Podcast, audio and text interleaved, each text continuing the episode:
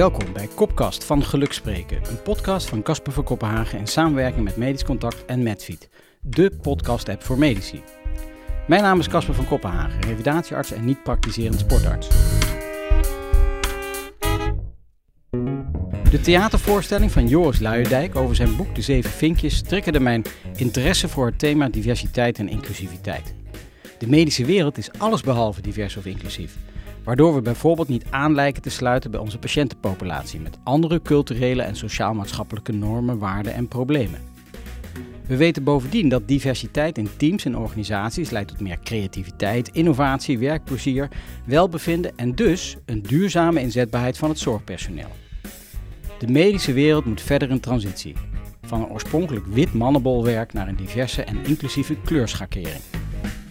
Van dit thema heb ik als witte heteroman van 50 plus op voorhand weinig verstand. Dus ga ik de komende maanden op onderzoek uit en in gesprek met een aantal dedicated experts. Welkom bij de zesde aflevering van uh, Kopkast over geluk, diversiteit en inclusie. En ik heb vandaag twee hele bijzondere gasten uitgenodigd. Want de nadruk ligt vandaag op inclusiviteit en met name over inclusiviteit van de ouderen.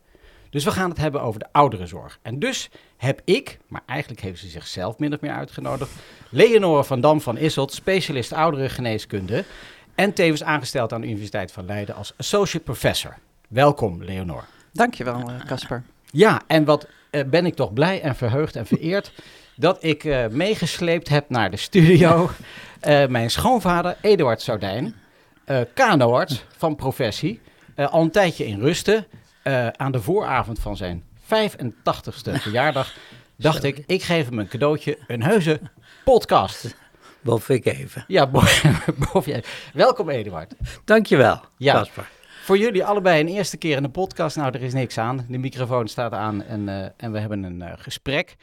Um, dat gesprek uh, gaat over geluk, diversiteit en inclusie. En geluk en inclusiviteit gaan we het vandaag met name over hebben. Maar eerst mogen jullie jezelf een beetje wat meer introduceren. Leonor, ik stelde jou voor als een specialist ouderengeneeskunde en uh, met een onderzoeksbaan. Kun je daar iets meer over vertellen? Ja, zeker. Uh, dus ik ben Leonor van Dam van Isselt, uh, 53 jaar, werkzaam als specialist ouderengeneeskunde en gespecialiseerd in de geriatrische revalidatie. Um, daarover later meer. Ik ben tevens dus werkzaam als senior onderzoeker in Leiden. op datzelfde thema doe ik onderzoek naar inzet van technologie, ofwel e-health in de geriatrische revalidatie. Ja, en als specialist oudergeneeskunde werk ik in Delft bij zorgorganisatie Pieter van Vooreest. Um, en daar uh, werk ik op een afdeling waar dus um, meestal oudere mensen uh, met uh, multimorbiditeit en bijvoorbeeld een gebroken heup, een beroerte bij ons komen. Meestal uit het ziekenhuis om te revalideren met als doel weer terug naar huis te, te gaan. Ja, nou, helder. Op alles gaan we nog terugkomen, want ik wil toch ook even de vloer geven aan Eduard. Uh, wij, wij tutoyeren elkaar al een tijdje. Ja. Uh, ja. Waar heb je gestudeerd, uh, Eduard? Ik heb gestudeerd in, in Leiden en gespecialiseerd in Groningen. En al heel kort door de bocht. Ik heb twintig jaar in de praktijk gezeten en 18 jaar universitair. Ja, want je hebt twintig jaar bij je in ziekenhuis Rijnstaten. Toen ja, klopt. heette dat nog? dat heet het gemeenteziekenhuis Arnhem. Eenvoudiger kan het niet. Ja, en was je ook op die andere locaties wel eens, het DIAC en... Uh... Ja, daar heb ik ook, uh, wij, we hadden een maatschap van vier en die bediende twee ziekenhuizen, het diakonesse en het gemeente. Ja. Ja, klopt. En toen ben je daar op een gegeven moment weggegaan? Nou ja, dat is een verhaal apart. Ja, maar dat, dat mag ik... we zitten hier toch de introductie. Heel kort door de bocht. Na twintig jaar zei mijn broer uit Amerika, kom toch naar Amerika kerel, je werkt hier veel te hard. Ik zei oké. Toen heeft hij gezorgd voor green cards, hè, dat, uh, zodat je dus altijd kan werken daar en kan blijven. Die heeft hij voor ons aangevraagd, die heeft hij bemachtigd. Toen hebben we de hele reutemeteut verkocht. En toen zijn we geëmigreerd naar Bradenton of Sarasota, uh, Florida, sorry. Um, dat was heel eenvoudig, dat liep van geen kanten. Dus na een jaar zeiden wij, dit gaat niet de goede kant op. Dit, uh, dit, hier gaan onze spaarcenten. En toen kreeg ik een uitnodiging in Maastricht om aan de universiteit te gaan werken. de hele reutemeteut weer ingepakt Ja. en in Maastricht eh, neer- neergestreken. Ja. Ja. En, en daar heb je tot je pensioen gewerkt? Tot, tot de pensioen gewerkt. En toen kreeg ik, dat was nog eigenlijk, eigenlijk nog leuker. Toen kreeg ik in het van het Radboud een, een vraag of ik op de KNO de supervisie wilde doen voor op de polykliniek. Eh, nou, dat heb ik gedaan tot mijn zeventigste. Ja. En dat was een bijzonder leuke, Ja, dus- echt een hele leuke ervaring. Ja, dus als een soort vliegende kiep op de, Ja, op de exact. als supervisor, los van Ja. alle opleidingsdruk, Ah, ja, stress, ja, eh, ellende. Gewoon als Ja, wie mijn grijze haren en wijsheid nodig precies. heeft. Daar ben ik. Ik, Ja. zit, ik zit er. ja. Ja, en ook niet eh, geen eh, su- eh, suffe vergaderingen meer. En nee, ik hoefde, nee, dat hoefde ik niet mee te doen. Hè. Dat, eh, dat was ook nergens voor nodig. Ja. Er wordt al zoveel vergaderd. Toen. Eh, ideale kleur. Ja, toen, toen kende ik jou eh, al. En toen je dat vertelde, dat, je die, dat die baan mogelijk was, dacht ik, ja, het is op het lijf geschreven. En zo zouden we misschien eh, met alle oudere Ja. specialismen die nog willen. En Ja. Het houdt je vitaal, althans. Oh, dat- absoluut. dat ja, nee, nee, zeker. Het is natuurlijk ontzettend leuk om met die jonge assistenten die graag wat willen leren, gewoon mee te werken. ja. Dus, ja, die liepen ook met je weg. Dat weet ik uit betrouwbare bron. Eh, topdocent ook geweest. Daar ben je ook gela- Nou, een hele fijne dokter. Ehm, en goed, om, eh, fijn om je hier, te, hier te, te hebben. En dat je dit verhaal met ons deelt. Ehm, we hebben het over geluk, diversiteit en inclusie. En eh, ik vraag altijd aan de gasten, dat heb ik tot nu toe al een keer of veertig gedaan, wat zij nou onder geluk verstaan. Laat Ja. ik bij jou beginnen, Ja. Eduard. Je kon de vraag verwachten, want je bent een van de trouwste luisteraars. Ja, eh, onder geluk verstaan. Ja, dat is niet eenvoudig te definiëren natuurlijk. Want eh, ik heb er natuurlijk over na mogen denken. Want je kan natuurlijk eh, geluk relateren aan jezelf, maar ook aan je omgeving. En dan zou ik toch een splitsing willen maken. Mhm. Ik geluk eh, voor mijn omgeving eh, een 7 en een geluk voor mezelf een 9. Zo, Dat klinkt een beetje vreemd, maar daar zit natuurlijk eh, het nodige achter. ja, ja. Ja, voordat we hier een familieopstelling gaan eh, verrichten, waar ik ook Nee. onderdeel van ben, moesten we misschien maar niet doen. Nee, daar Maar- gaan we. Nee, ja, zeker niet. ja. Zeker niet. Hoeft voor me. Nee, Ja. absoluut niet. Nee, over die omgeving van zeven, daar zit wel één iemand bij waardoor mijn geluk voor grotendeel ook bepaald wordt. Dat is jouw dochter, want dat moeten we dan wel even vermelden. Laura, mijn vrouw.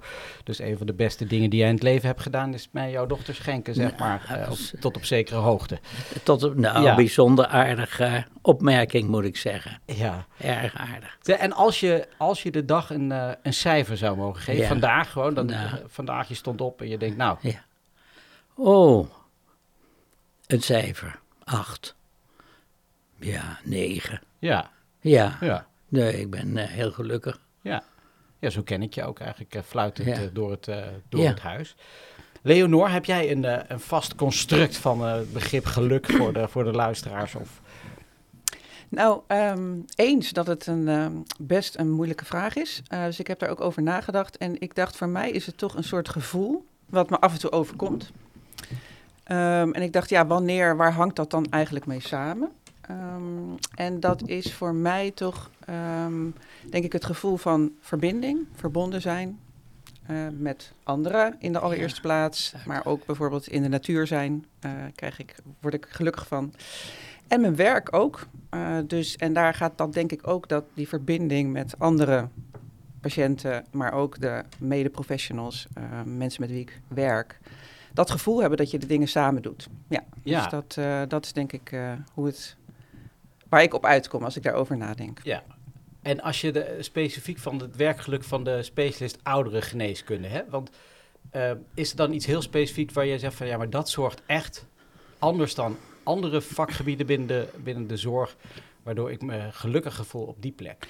Ja, voor mij geldt dat zeker. Ehm, kijk, ik ben daar ook een beetje per ongeluk terechtgekomen. Ehm, dus ik moest dat ook echt ervaren, zeg maar, dat dat zo was. Ehm, Ik vind uh, het werk wat wij doen uh, voegt enorm veel toe aan de kwaliteit van leven van mensen. We krijgen mensen echt in de kreukels, om zo maar te zeggen, binnen. En als dan mensen gewoon zelfstandig lopend weer naar huis gaan, dan geeft dat enorme voldoening. Dus het doet ertoe.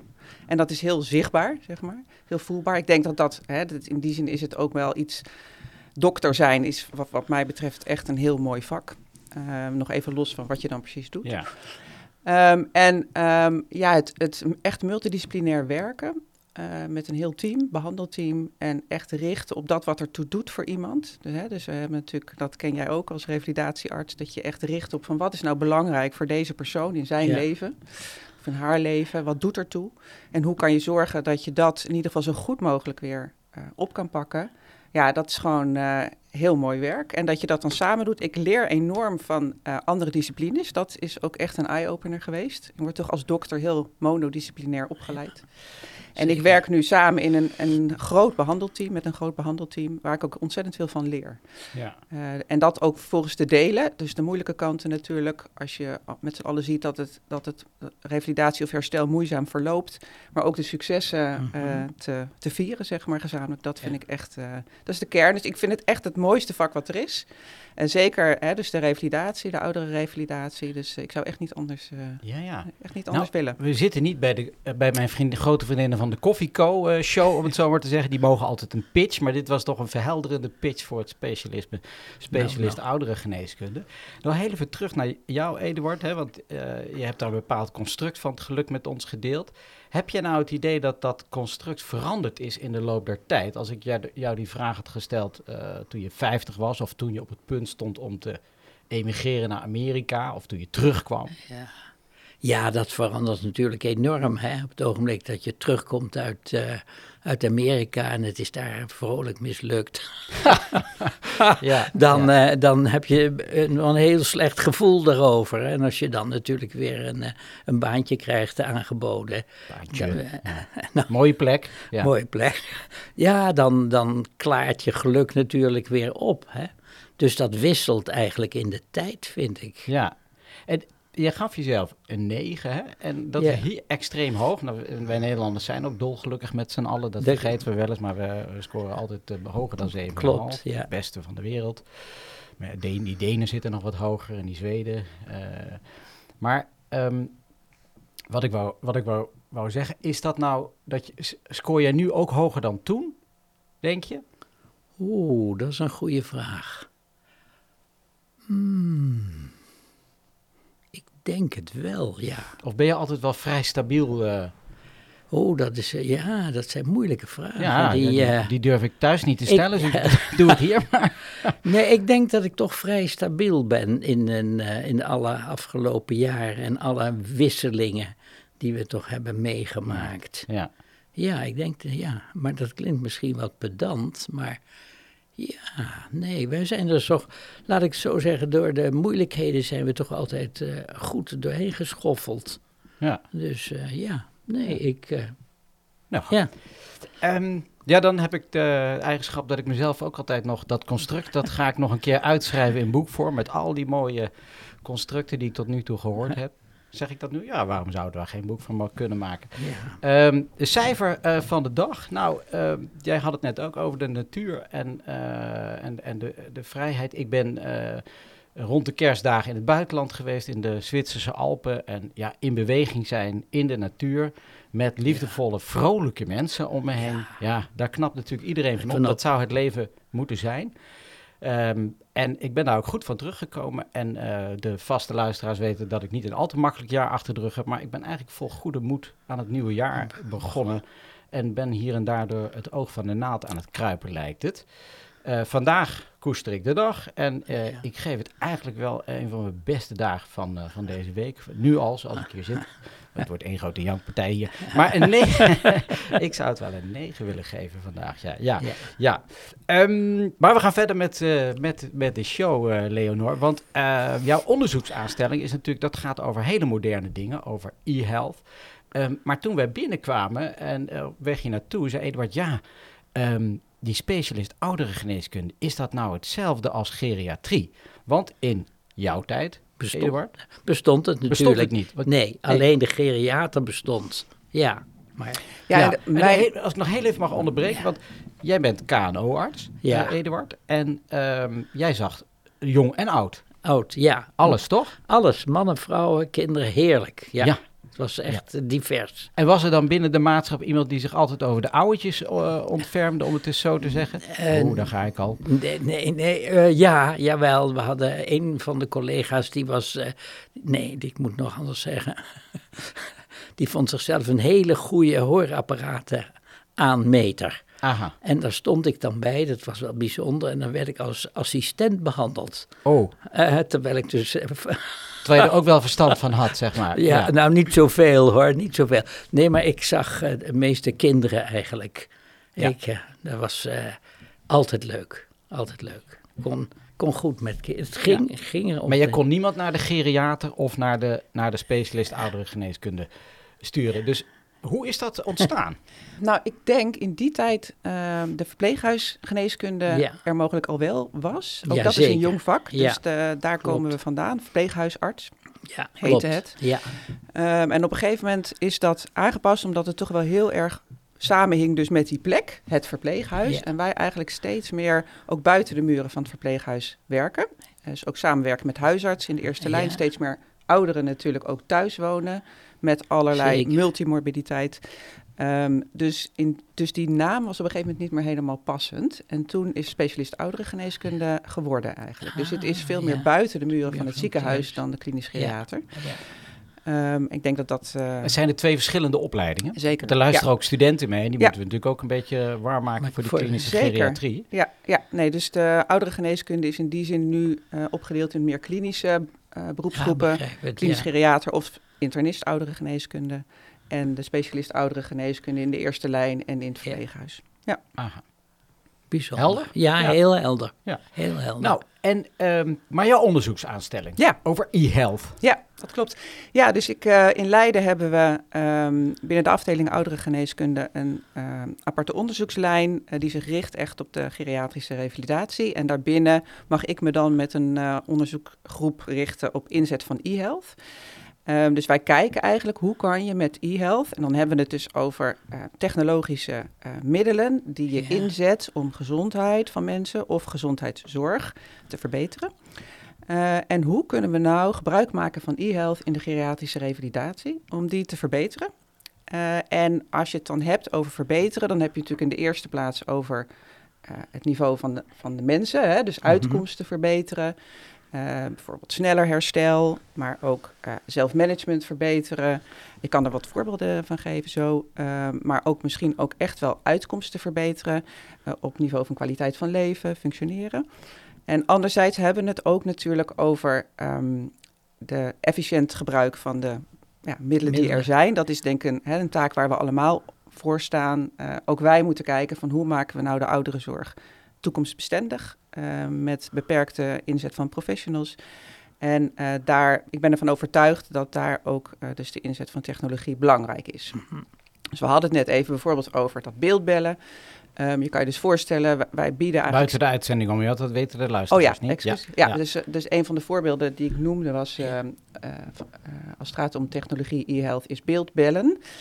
Ehm, dus wij kijken nu samen met ouderen ook, hoe kunnen we nu een deel van onze behandeling, als mensen bijvoorbeeld al thuis zijn, hè, dus die, Ja. die zijn, eh, eh, vinden zich al thuis, eh, krijgen nog revalidatie aan huis. En een deel van die behandelingen, eh, die kan je wellicht bieden door middel van dat het, ja, En dat levert natuurlijk aan de ene kant een eh efficiëntieslag op, hopen we. zeker. Maar ja. er zijn ook ehm, onderzoeken die laten zien dat ouderen dat ook prettig vinden. Hè? Dus dat je, het geeft natuurlijk ook een stuk ehm, ja, meer eigen regie eigenlijk. Zelf, hè, dat je niet bijvoorbeeld als eh, patiënt altijd ergens naar de dokter toe moet, Toe naar moet, het ziekenhuis toe moet. Terwijl nou, dat ook best wel impact heeft op je dag en op je energie. Enorm, ja. Dus sommige van dat soort bezoeken kan misschien prima op afstand. Dus dat is eh, een voorbeeld. Mhm. Ehm, zoals we, en dat, dat moeten we dus onderzoeken. Dat is best ehm, complex, om zo te nou, zeggen. dat kan me voorstellen, Ja. ja. En dat doen we dus ook samen met alle betrokkenen. Dus ook samen met ouderen kijken we hoe moeten we dat nou doen. Eh, zodat het ook bruikbaar is, hè, dat het lukt, dat je, dat, dat, dat je voldoende vaardigheden hebt, omdat ook dan, hè, dat zo'n verbinding tot stand komt en dat je ook het zo doet, zodat het ook vol, uh, ja, eigenlijk tegemoet komt aan, uh, aan de behoeften van en, iedereen. En Leonor, je zegt samen met de, met de patiënt, of Ja. de, de oudere, Ja. is de oudere per definitie een patiënt, is dan de vraag? Ik, Zeker niet. Nee. Zeker niet. Nee. Maar die zitten dan ook aan tafel bij, Ja. de, bij het ontstaan van de ideeën. Ja, precies. Dus eigenlijk vanaf het begin af aan eh, steeds meer. Eh, dus dat is wel echt een nieuwe eh, beweging. Steeds meer samen met ouderen kijken. Ja. Wat zijn nou relevante onderzoeksvragen? Waar Ja. ligt behoeftes? Wat gaat er Ja. goed? Wat, gaat er, wat kan er beter? En dan ook kijken, nou, wat voor een onderzoek past daar dan bij? En, maar ook het letterlijk uitproberen van dit soort technologieën. Ah, ja, ja. En het vervolgens ook aanpassen. Hè, dus dat doen we Ja. ook samen met eh, bedrijven die bijvoorbeeld eh, de, de apps maken, waarmee je bijvoorbeeld, hè, dat is een ander voorbeeld, dus apps waarmee je zelfstandig kan oefenen. Ah, ja. Ehm, die je dus zelfstandig kan gebruiken eh, in, tijdens je revalidatie. Ehm, nou, hoe moeten die er nou uitzien, zodat ze te begrijpen zijn, maar ook zodat ze motiveren. Ehm, en zodat ze dus ehm, ja, eigenlijk ehm, ja, wat toevoegen, zeg maar, en behulpzaam zijn voor, eh, Ja. voor de revalidatie. Als je dit zo hoort, Ja. Eduard, want je eerste reactie die ken ik. Zeg maar Ja. van nou, ik doe daar niet aan.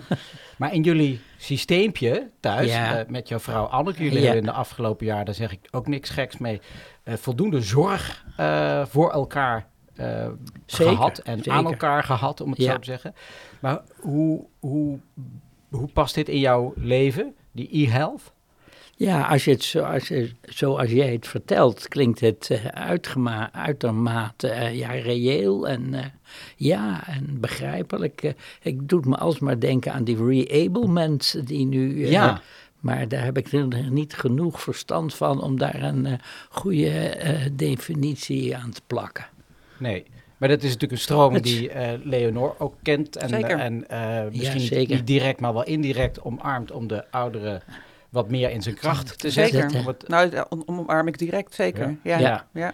Nee, maar jouw eerste reactie, dat, en correct me if I'm wrong, zou ik zeggen. Ja, eh, ik doe dat niet, maar je bent getrouwd met Anneke Saudijn. Ja, en ja. die is enorm van de digitale wereld. Ja, dat klopt. Ja. Die, eh, die regelt dat allemaal, toch? ja. Via de apps. Ja, ja, zeker, zeker. Ja. Het is de vraag of dat verstandig is, maar ja, zo eh, loopt het nou in het leven. Ja. hè. ja, of je dat hebt overgelaten, bedoel je? Ja, Ja, ja, ja. ja. Nee, Ik had al niks in mijn hele leven, al niet met telefoons. Nou ja, dan weet je het wel. Hè. Ja. Dan, eh, Nee, dat klopt. Normaal gesproken had ik misschien bedacht om jou te laten inbellen, maar ja, dan was het een, een gesprekje van 30 seconden. ja, ja. Ja, nee, nee, nee, dat is. Nee, dat, daar ligt mijn eh, interesse niet. Nee.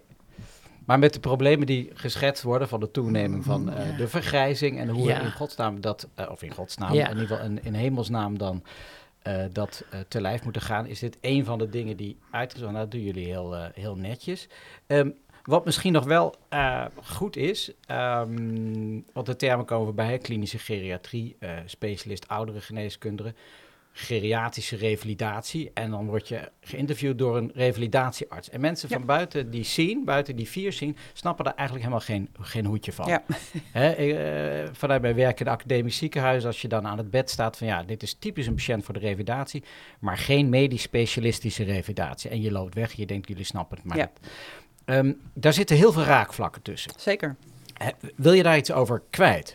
Ja, het is, het is een hele goede vraag en ook een hele relevante vraag, denk ik, op dit moment. Ehm, van oudsher is in Nederland de medisch specialistische revalidatie, jouw vakgebied, en de geriatrische revalidatie hebben zich eigenlijk los van elkaar ontwikkeld Dat, en ja. ook eh, gepositioneerd in het gezondheidssysteem.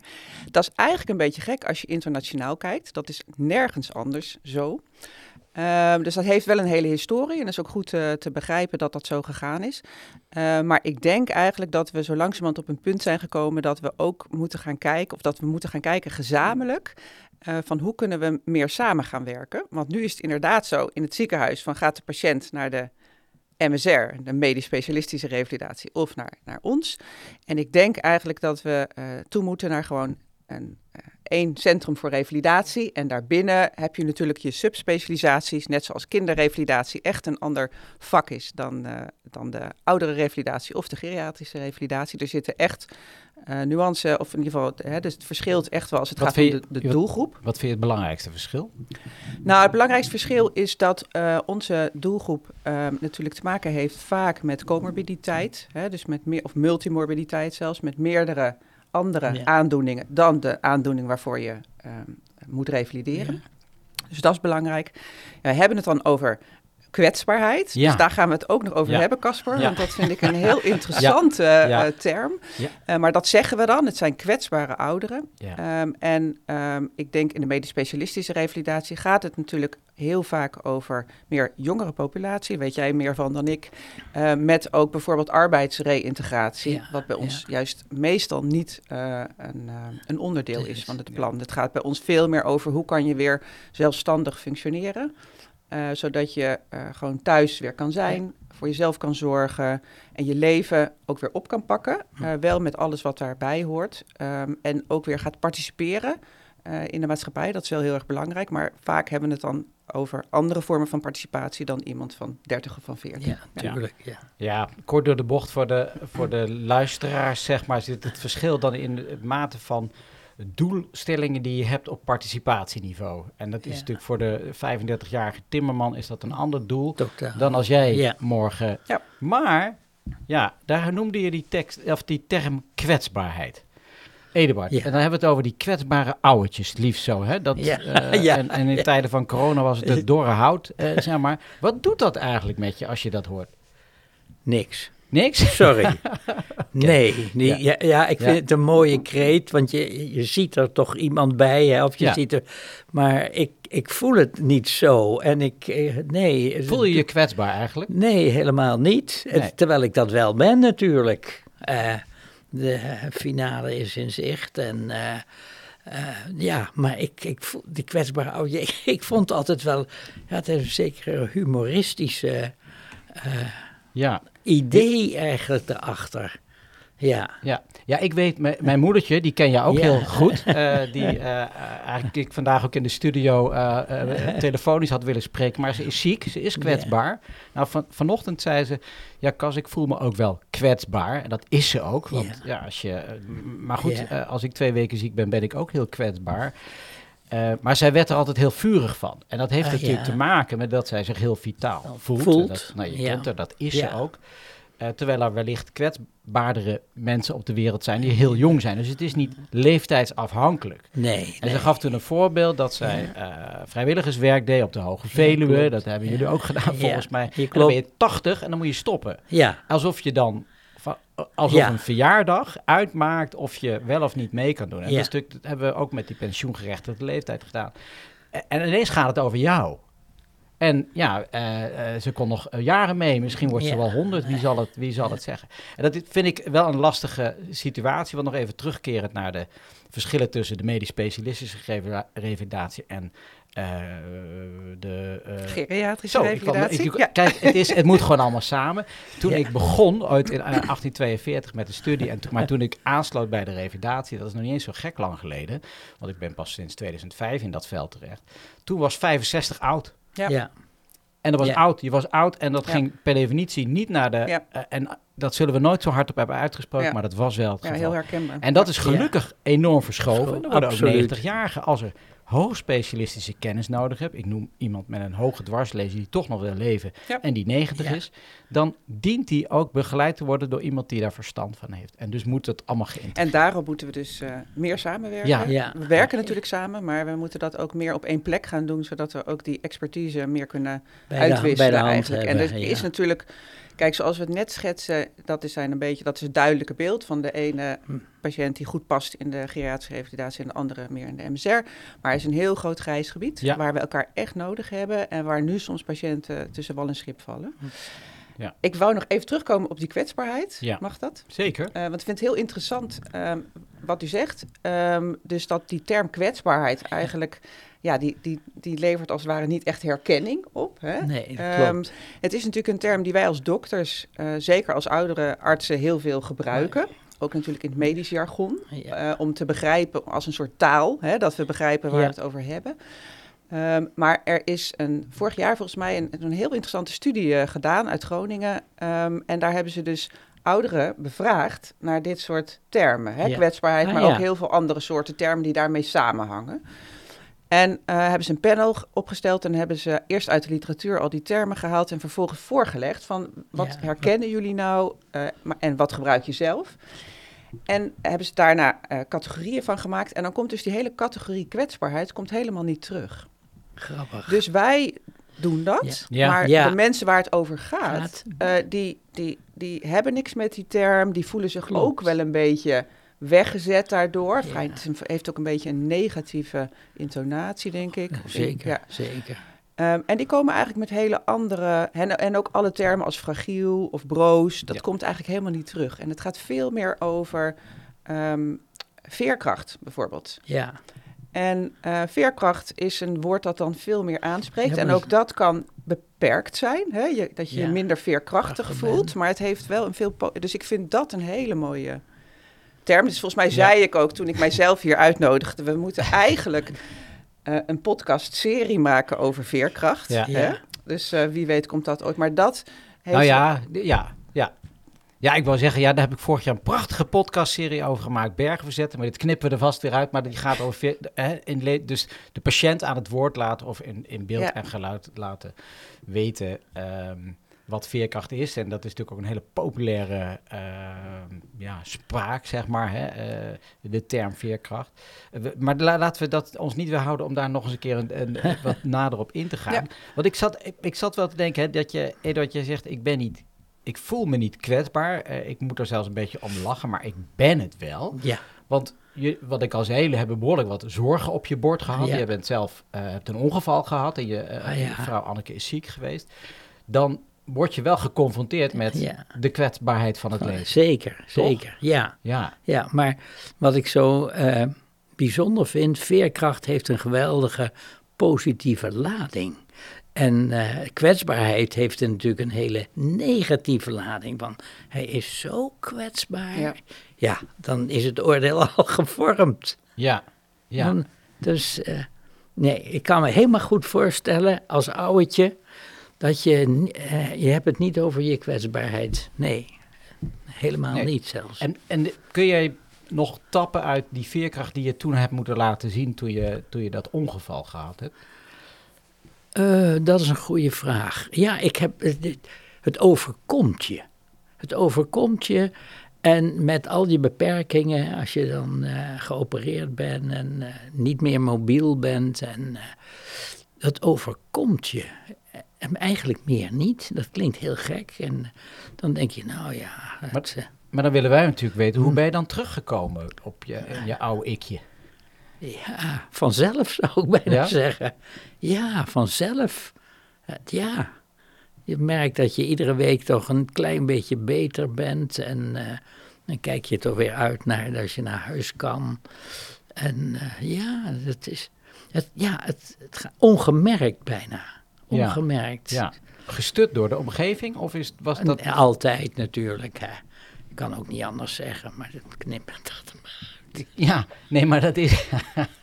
ja, maar de, hè, de begrippen als zorg die dan nodig Ja, is... ik- zeker. eh, misschien als ik het beeld... En, eh, dit kunnen we er eventueel later uitknippen. maar je, je bent gevallen in, eh, in Zwitserland Ja. eh, van de vliering. Ja. Eh, nou, eh, twee klaplongen, drie wervels Oh, gebroken, oké. twaalf ribben.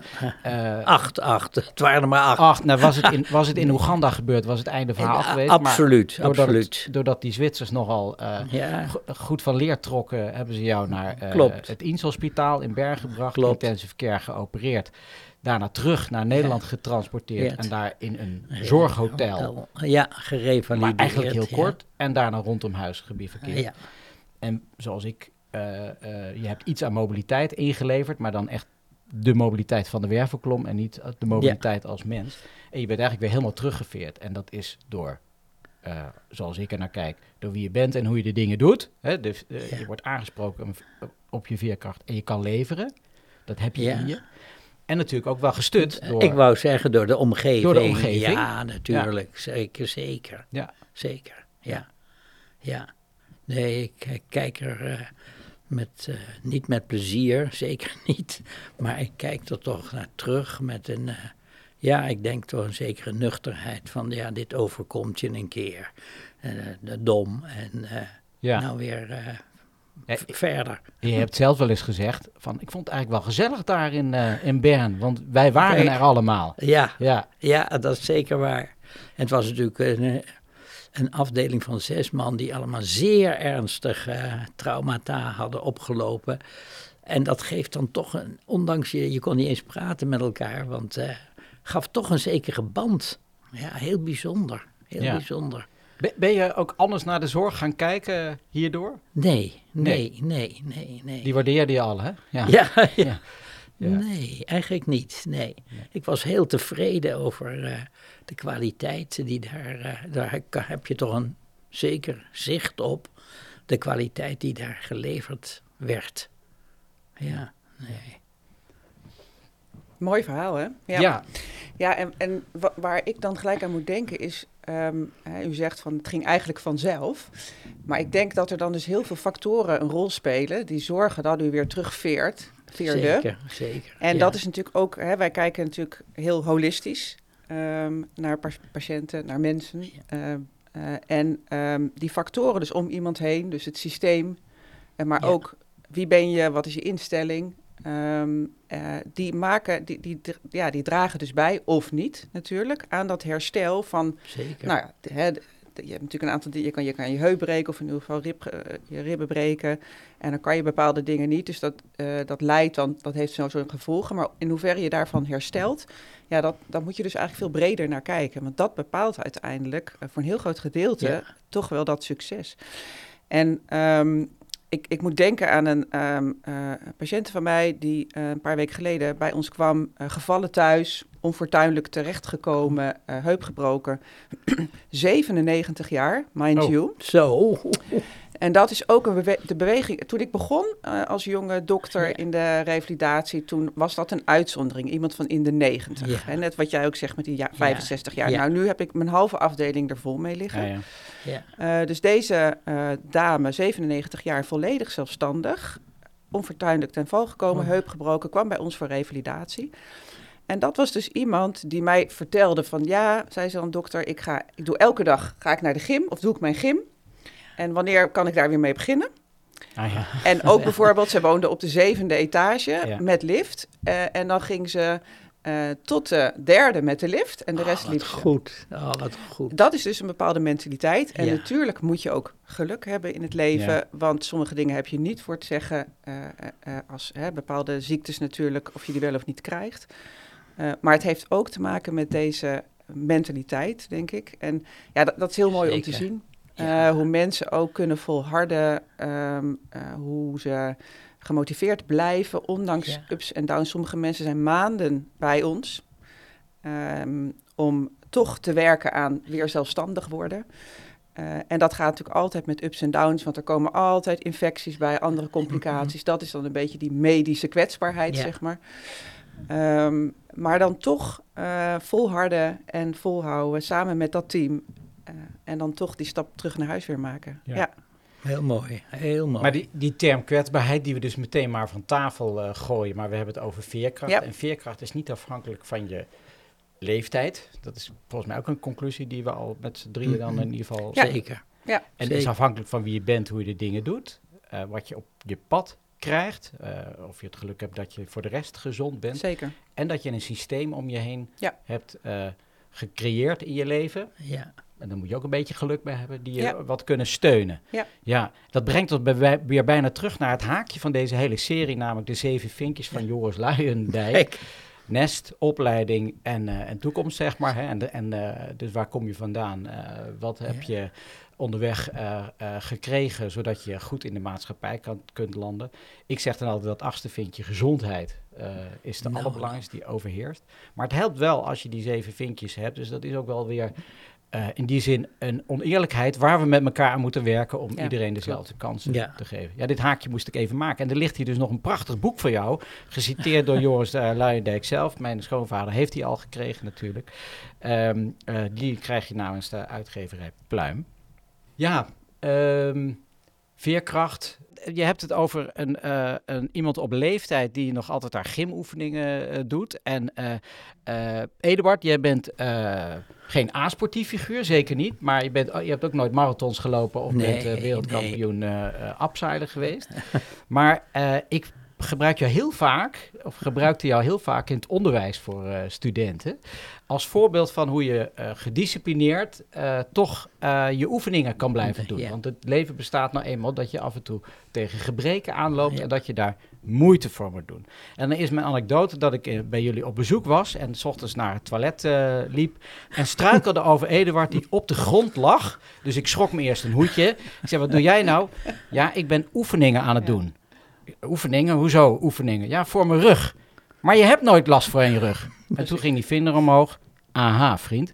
En Eduard blijkt dus als een, nou, ik denk vanaf je veertigste, nadat Ja, een zoiets, fysiotherapeut tegen jou Ja. gezegd heeft, je moet oefeningen doen. Iedere dag, tot aan de dag van vandaag. Ja, ja. Klopt dat? Ja, vanochtend ook. Ja. ja, ja. Ja, Ja, ja dan moet je even, ja. preventie, preventie, preventie. Wat kun je nog die fysiotherapeut herinneren die dat heeft? Ja, zeker. Ja, dat was in, eh, dat was in eh, Arnhem, denk ik. Ja. ja, heel lang geleden. Ja. Ik had een keer ischias gehad en dan ben je volledig eh, uitgeteld. Hè. En toen zei hij, ja, dan moet je de oefening. Toen heb ik wat, eh, ja, ik had ook een blaadje van, eh, ik geloof, Johns Hopkins gevonden. En waar rugoefening in zat. Ik dacht, nou, als het van Johns Hopkins komt, dan moet het goed zijn. Hè? Ja, ja. Dus die heb ik zo bij elkaar gevoegd, die oefeningen. En tot op de dag van vandaag doe ik ze dan. Ja. ja. Iedere dag weer. Iedere dag. Net als tanden Ja. poetsen, haren Ja, kammen, ja, oefeningen. ja, ja, ja, Ja, dat is geen grootspraak. De meeste mensen klopt dat niet, maar dat, ik kan het beamen dat het klopt. Nee, als ik erg eh, kort eh, tijd heb, dan eh, doe ik geen 10 minuten, maar 5 minuten. En dan heb ik een soort verkorte versie, heb ik bedacht. Kijk, heel goed. Ja, ik gebruik hem niet vaak alleen voor studenten, maar ook vaak in de spreekkamer. Als mensen zeggen, ja, maar dat kan ik toch niet? Nou, dat kan wel, want je poetst ook iedere dag je tanden, Tanden. En, kamt, en kamt je haren. Althans, de meesten. ja. Ja, ja. Nou, eh, nou begon jij ongeveer deze uitzending, Leonor, met een pitch voor de, eh, voor de specialisatie specialist ouderengeneeskunde. Ja. En ook wel half ook voor de klinische geriatrie. En ehm, kijk, eh, wij komen uit hetzelfde bouwjaar, studiejaar. Daar kennen Ja. we elkaar ook van. We Ja. waren niet bevriend, maar via een, nou, een bevriend collega, of we zeggen wat een collegiale vriendin, Masha Kamphuis, die ik ook een keer heb mogen interviewen met haar verhaal zijn we elkaar weer op het spoor eh, eh, gekomen. Maar wij, wij stammen dus uit het jaar 89. Klopt, en eh, ja. misschien kan Eduard beamen, maar iedereen, of de, het grootste deel van de geneeskundestudenten gaat geneeskunde studeren om chirurg of internist of neuroloog te worden. Ik wist toevallig al dat ik sportarts wilde worden. Nou, dat ben ik ook geworden, maar was daarin wel de uitzondering. Maar je hoort niemand die zegt, ik wil geriater worden of ik wil ouderen Helemaal waar. ouderenzorg gaan doen. En dat is, of we willen kinderarts worden met z'n allen. En dat is natuurlijk best gek, want we zijn allemaal kind, maar we hopen ook allemaal oud te worden. Ja. Dus we willen die zorg voor die kinderen willen we fantastisch hebben. Die groei en ontwikkeling zo goed mogelijk begeleiden, Ja. zeg ik wel eens. Dat is wat je doet met hier en daar. Daar chargeer ik niks mee. Eh, of een heleboel mee misschien wel. Maar voor die ouderen, eh, dat is pas iets van de laatste tijd wat we, dat we daar meer aandacht voor moeten vragen ook. Want we worden met z'n allen steeds ouder. Ja. En we leven steeds langer met een aantal chronische aandoeningen. Ik meen me te herinneren dat eh, boven de 75 gemiddeld iedereen twee chronische aandoeningen met zich meedraagt. Nou, ik draag er al twee met mee en ik moet nog 25 jaar eh, tot mijn 75ste. Maar er moet meer aandacht voor komen. Wat is jouw visie daarop? Ja, dat is, de, dat, dat is helemaal waar. En waarom is dat helemaal waar? Nou ja, kijk, als, je, als we het hebben over geneeskunde, dan hebben we het tegenwoordig eigenlijk over oudere geneeskunde. En ehm, hè, dus Oh ja? ja, jij in ieder geval wel. Ja, nee, maar als je kijkt naar eh, welke patiënten daar in de spreekkamer zitten, zeg maar, dan zijn dat toch Ja, ook gewoon heel vaak helemaal ouderen. waar. En eh, terwijl, inderdaad helemaal waar wat jij zegt, in, bijvoorbeeld in het curriculum komt het eigenlijk heel weinig specifiek aan bod. Dat was nog veel erger. Ja. Eh, en in Leiden eh, nou, zijn we daar eigenlijk hele grote stappen in aan het maken in het nieuwe curriculum. eh, waar echt een leerlijn ouderengeneeskunde nu is. En dat betekent dat vanaf het eerste jaar eh, de ouderengeneeskunde in beeld is. Dat was eerst niet. Het was eerst op een soort drie losse momenten. Je had de Mhm. zorgstage, hè, die we allemaal nog kennen. Ja. En dan had je ergens halverwege het tweede jaar volgens mij een blok over ouderen en ook palliatieve zorg. Eh, en dan aan het eind nog iets. Maar nu is het echt een lijn. En dat betekent dus dat op ieder, in ieder blok, hè, we, beginnen bij cellen en homeostase, dat er ook een stuk is over de ouderen. Hoe is dat dan bij de oudere mensen? Maar ook bijvoorbeeld het blok acute buik. En hoe is dat dan bij de oudere patiënt? En zo eigenlijk door het hele Ja. curriculum heen. Dus dat is één, dat is belangrijk. Eh, verder is er ook een eh, verplicht kooschap nu ouderengeneeskunde voor iedereen. Aha, dat was ook Perfect. In Ja. Leiden, ja. In Leiden. Is dat in andere nou, universiteiten? steeds meer. Ja, in Amsterdam ook. Zijn ze daar hard, die zijn ze in ieder geval hard mee bezig. En komt dat ook? Eh, In Rotterdam niet? Dat is een goede vraag. Gaan we Daar ook navragen. altijd voor. Ja. Het is ontzettend belangrijk eh, om het vak eh, eh, te ervaren en te zien, om ermee in contact te komen. Want het is toch een beetje eh, van onbekend maakt onbemind. onbemind. Ja.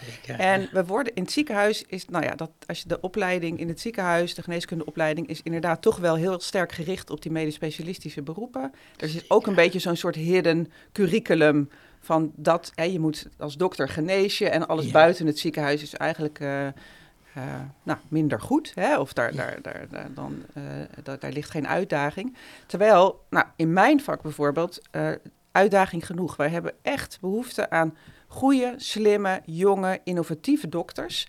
Er ligt een wereld open nog als het gaat om onderzoek. En, Ja. die ook, en ook dingen, dus niet enzympje Nee. eh, X op eiwit eh, F of zo, Ja. maar gewoon dingen die er direct toe doen. Die de kwaliteit van leven en de participatie Maar we hebben wel ook echt de, de innovatieve kracht nodig. Eh, van, van goede dokters die slimme dingen bedenken. Die echt onze behandeling eh, weer verder kunnen professionaliseren en eh, verbeteren. Dus dit is echt Ja. wel een, een oproep. En ik denk ook dat de tijd is ook echt anders. Hè. Er, is, ehm, er is dus meer aandacht in het curriculum. Wat denk ik Ja. echt eh, helpt. Die stage gaat helpen. Of het kooschap gaat helpen. En er is ook een hele campagne vanuit het ministerie. De Next Level Dokter. Zo. Eh, dus dat is echt gericht op. Hè, want we hebben de komende decennia vooral de dokters buiten het ziekenhuis nodig.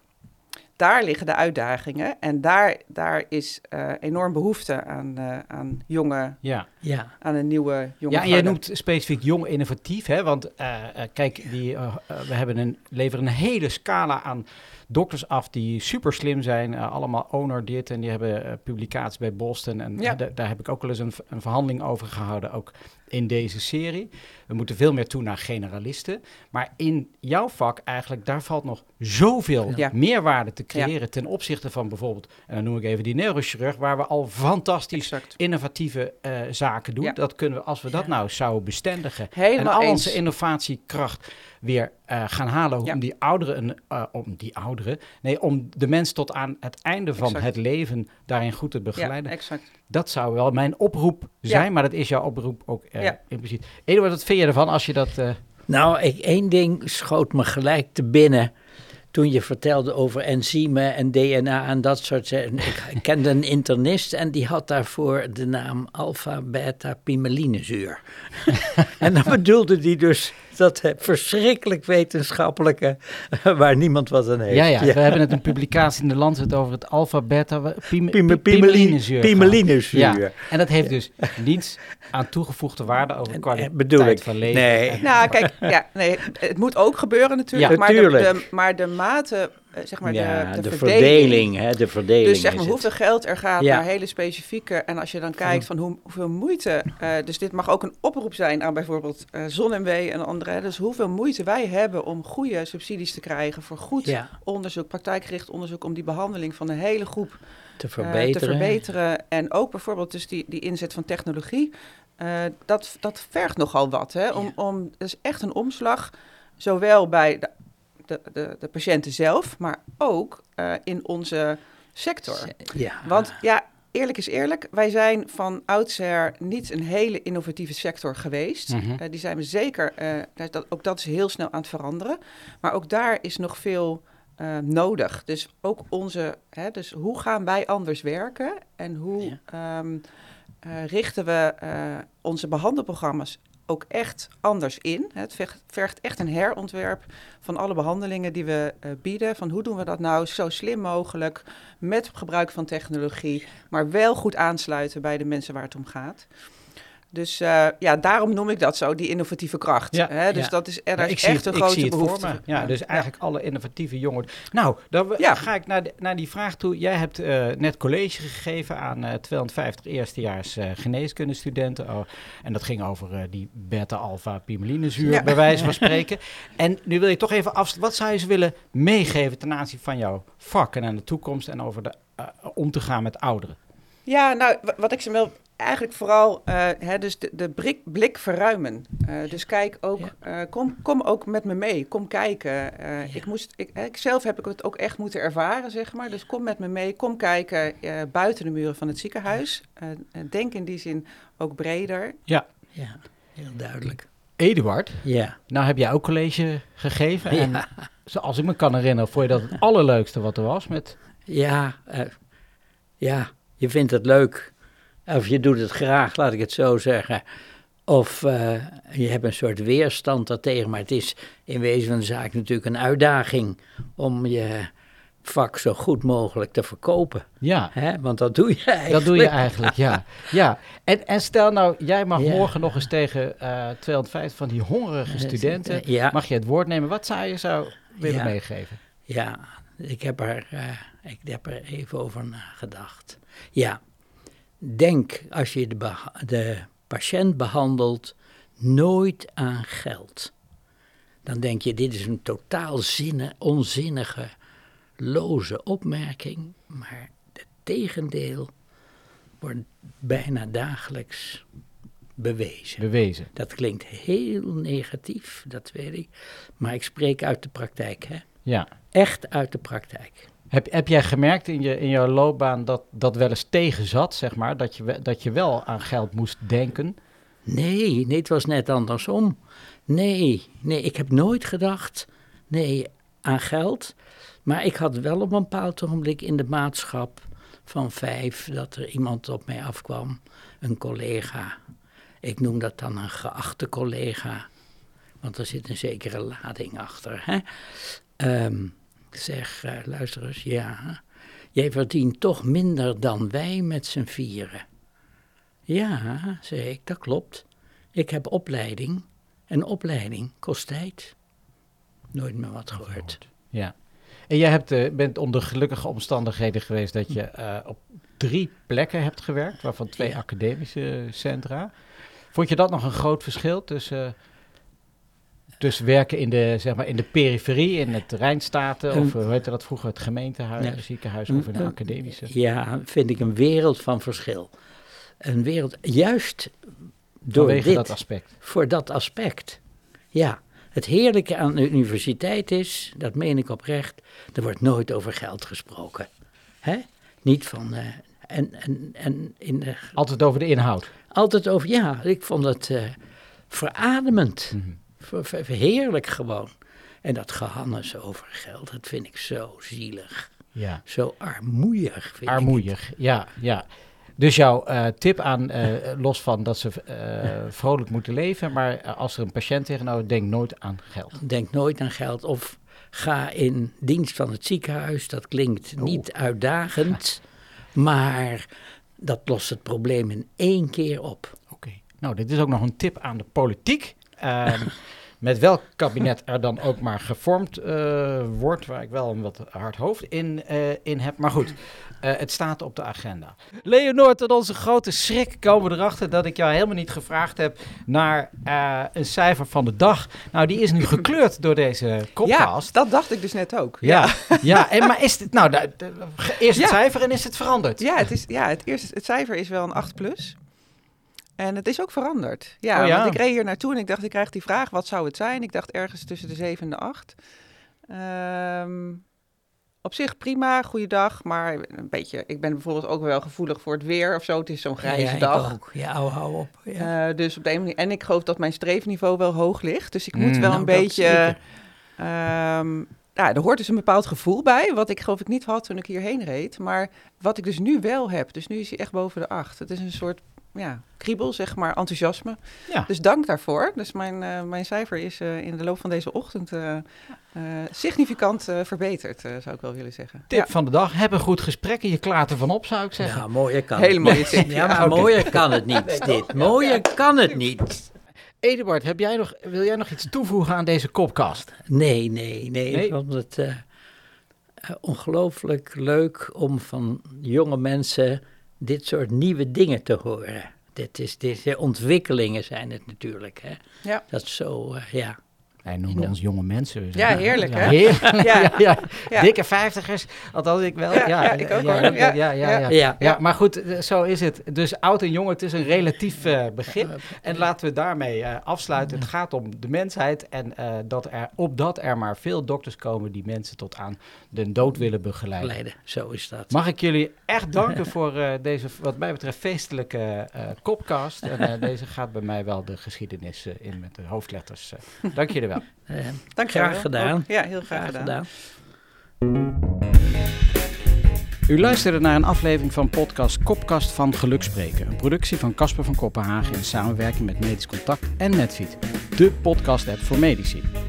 Niets missen van Kopkast? Abonneer je gratis op deze podcast.